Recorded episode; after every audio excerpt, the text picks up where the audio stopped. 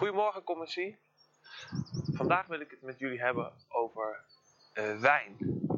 Um, hierachter op de heuvel zien jullie een, uh, een wijngaard. En wat me opvalt um, in de Bijbel is dat het zo vaak over wijn gaat.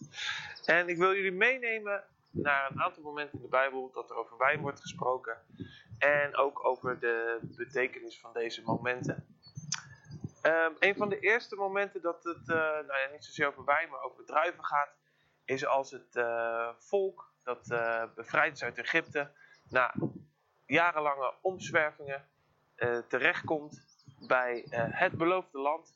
En ze sturen de verkenners erop uit om te kijken of het wat is, dat beloofde land. En die komen terug met een gigantische druiventros. ze moeten met z'n tweeën dragen op een, uh, op een stok. En ja, dat laat eigenlijk zien dat het heel, heel vruchtbaar land is. Stroomt daar uh, water door het dal en de heuvels zijn groen. En ja, het ziet er eigenlijk fantastisch uit. Um, maar wat we zien is dat uh, de mensen bang worden gemaakt. Door ook een aantal mensen die ook mee zijn geweest. Die zeggen, jongens, ja, het is veel te gevaarlijk. De mensen die zijn en sterk en het zijn reuzen. En ja, God heeft het ons wel beloofd. Maar ja, dit gaat allemaal niet werken en we zullen afgeslacht worden. Dus ze maken het volk bang. En vervolgens um, wil het volk zelfs de verkenners, Jozua en Caleb, uh, gaan vermoorden. Omdat zij dus wel op God vertrouwen. En God is daar ook heel boos over. Hij is woedend en het volk wordt teruggestuurd de woestijn in. En het zal nog 38 jaar duren voordat ze het beloofde land weer in zullen mogen. Op deze plek vierden we uh, elf jaar geleden onze uh, bruiloft. En ja, het was een van de eerste bruiloften waar we überhaupt aan geweest. Dus we hadden het uh, zelf georganiseerd samen met mijn schoonvader die heel veel werk voor ons uit handen had genomen. Maar dingen zoals drank inkopen en dergelijke, dat hadden we ook zelf gedaan. Maar we merkten gewoon op een gegeven moment dat we niet genoeg drank hadden ingekocht. Um, het ging wel om frisdrank, niet om alcoholische drank. Desalniettemin, um, op de bruiloft uh, waar Jezus was en waar hij zijn eerste wonder doet, daar was uh, niet genoeg wijn. En um, wat we zien, wat Jezus doet, het eerste wonder wat hij laat zien in de Bijbel, is dat hij water in wijn verandert. En um, welk water is dat dan? Nou, er staan daar grote kruiken en daar zit dan uh, water in wat de Joden gebruiken voor een reinigingsritueel. En het is heel mooi om te zien dat Jezus dat water gebruikt om er wijn van te maken. Om een feest te kunnen vieren. En wat mij betreft staat dat symbool ook voor uh, wat Jezus later ook zal doen. Hij um, zorgt ervoor dat, ja, dat het voor ons eigenlijk feest is. Want hij neemt de straf op zich. Hij neemt het uh, reinigingsritueel op zich. Een wijngaard is ook een hoop werk. Er moet uh, gesnoeid worden, er moet gemest worden, er moet geplukt worden. Er zijn allerlei uh, karweitjes die moeten gebeuren. En dus werken we in een wijngaard ook met een team. Dan moet ik zeggen, in deze tijd van corona, waarin er niks meer is uh, te doen, is het wel makkelijk nu om, als je een vraag stelt in de, de werkgroep van hey, wie komt er werken, dan kan in één keer iedereen. Dus dat is het, het voordeel van deze tijd. Um, maar er zijn ook tijden geweest waarin iedereen veel drukker was en het lastig was om handjes te vinden. En um, daarover gaat ook dit verhaal in de Bijbel over een vader die vraagt aan zijn zonen wie er mee wil werken in de wijngaard. Ik lees het voor. Het staat in uh, Matthäus 21, vers 28 tot 32. Maar wat denkt u hiervan? Een man had twee zonen. Hij zei tegen de eerste: Jongen, ga vandaag in de wijngaard werken. En de jongen antwoordde: Nee, ik wil niet. Maar later kreeg hij spijt en ging toch. Daarna zei de vader tegen de tweede dat hij op het land moest gaan werken. En die zei: Ja, vader, maar hij ging niet. Wie van de twee heeft gedaan wat zijn vader zei? De eerste, antwoordde zij. Jezus legde hun uit wat hij ermee wilde zeggen. Tolontvangers en hoeren zullen vast en zeker eerder in het koninkrijk van God komen dan u. Want Johannes de Doper heeft verteld hoe u het met God in orde kunt maken, maar u hebt hem niet geloofd. Het waren juist de tolontvangers en hoeren die hem wel geloofden. Hoewel u dat zag, hebt u niet gedaan wat Johannes zei. U wilde hem gewoon niet geloven.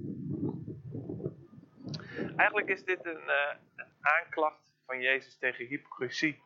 Uh, eigenlijk wat ze in Rotterdam zeggen, geen woorden, maar daden. Uh, ja, Jezus uh, waardeert het als mensen ook tot inkeer komen. En bij Jezus is er dus gewoon ook tijd om tot inkeer te komen. Er is genade. Aan de andere kant um, kan hij ja, het niet goed verdragen dat er mensen zijn die hun hart vol hebben, of die hun mond vol hebben van, uh, van de Heer, maar hun hart lijkt leeg te zijn. Want ze zetten hun woorden niet om in daden. Het is een, uh, een mooi verhaal. Uh, ja, ik, ehm, ik sta er altijd bij stil, ook altijd als ik dingen aan mensen beloof.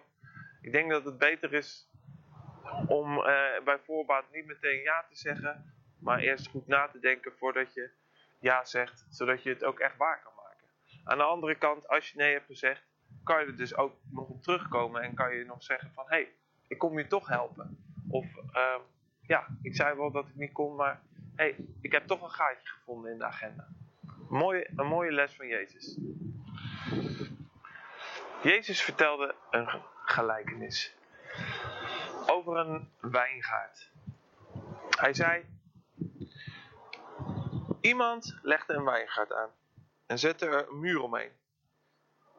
Hij maakte een bak voor het persen van de druiven en bouwde ook nog een uitkijktoren. Hij verhuurde de wijngaard aan enkele boeren en ging het land uit. In de oogsttijd stuurde hij een van zijn knechten naar de boeren om de huur op te halen. Maar zij grepen hem, gaven hem een pak slaag en stuurden hem met lege handen terug.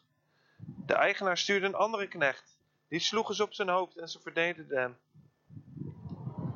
De eigenaar stuurde nog een knecht en die moest het met zijn leven bekopen. Daarna stuurde hij nog vele anderen, maar ze werden stuk voor stuk mishandeld of vermoord. Nu had hij nog maar één over: zijn geliefde zoon. Ten slotte stuurde hij hem, want hij dacht bij zichzelf: Mijn zoon zullen zij wel ontzien.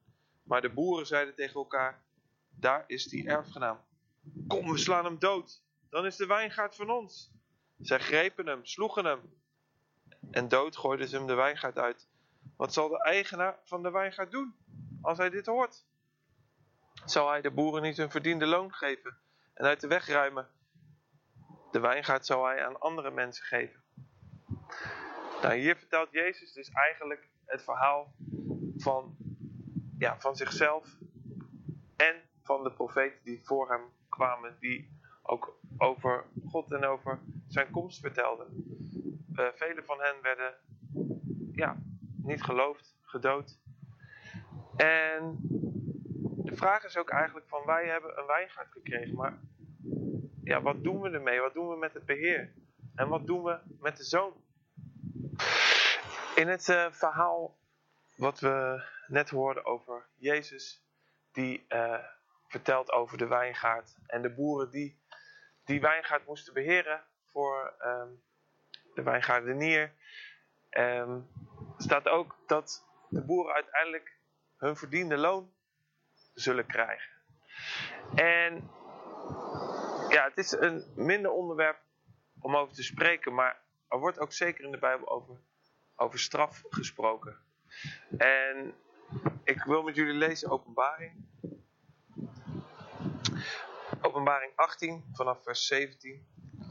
Er kwam nog een engel uit de tempel die in de hemel staat. Ook hij had een scherp maaimes. En een andere engel kwam uit het altaar. Hij had de macht over het vuur. Hij riep luid tegen de engel met het scherpe maaimes. Maai met je scherpe maaimes de hele aarde. Oogst de druiventrossen van de wijngaard op aarde, want de druiven zijn rijp. En de engel oogste met zijn maaimes de druiven van de aarde. Hij sneed de druiventrossen ermee af en gooide ze in de grote druivenpers van Gods straf. De druiven werden in de pers buiten de stad geperst.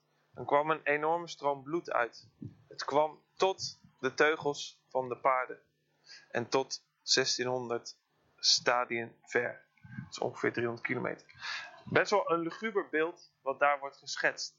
Um, ja, en ik wil het toch uh, benoemen dat um, ja, God, dat zie je ook bijvoorbeeld op het moment dat, de, dat het volk van, van Israël niet op God vertrouwt. Als God tegen hen zegt van dit is jullie beloofde land. Maar ze zijn bang, ze denken van ja, dat kan God wel zeggen, maar um, ik vertrouw niet dat het gaat lukken. Ik ben bang en uh, we gaan het niet doen. Ik denk dat het belangrijk is dat we vertrouwen op Gods beloftes. En ook dat we beseffen dat, ja, dat Jezus, zeg maar, degene is die uh, onze angst wegneemt.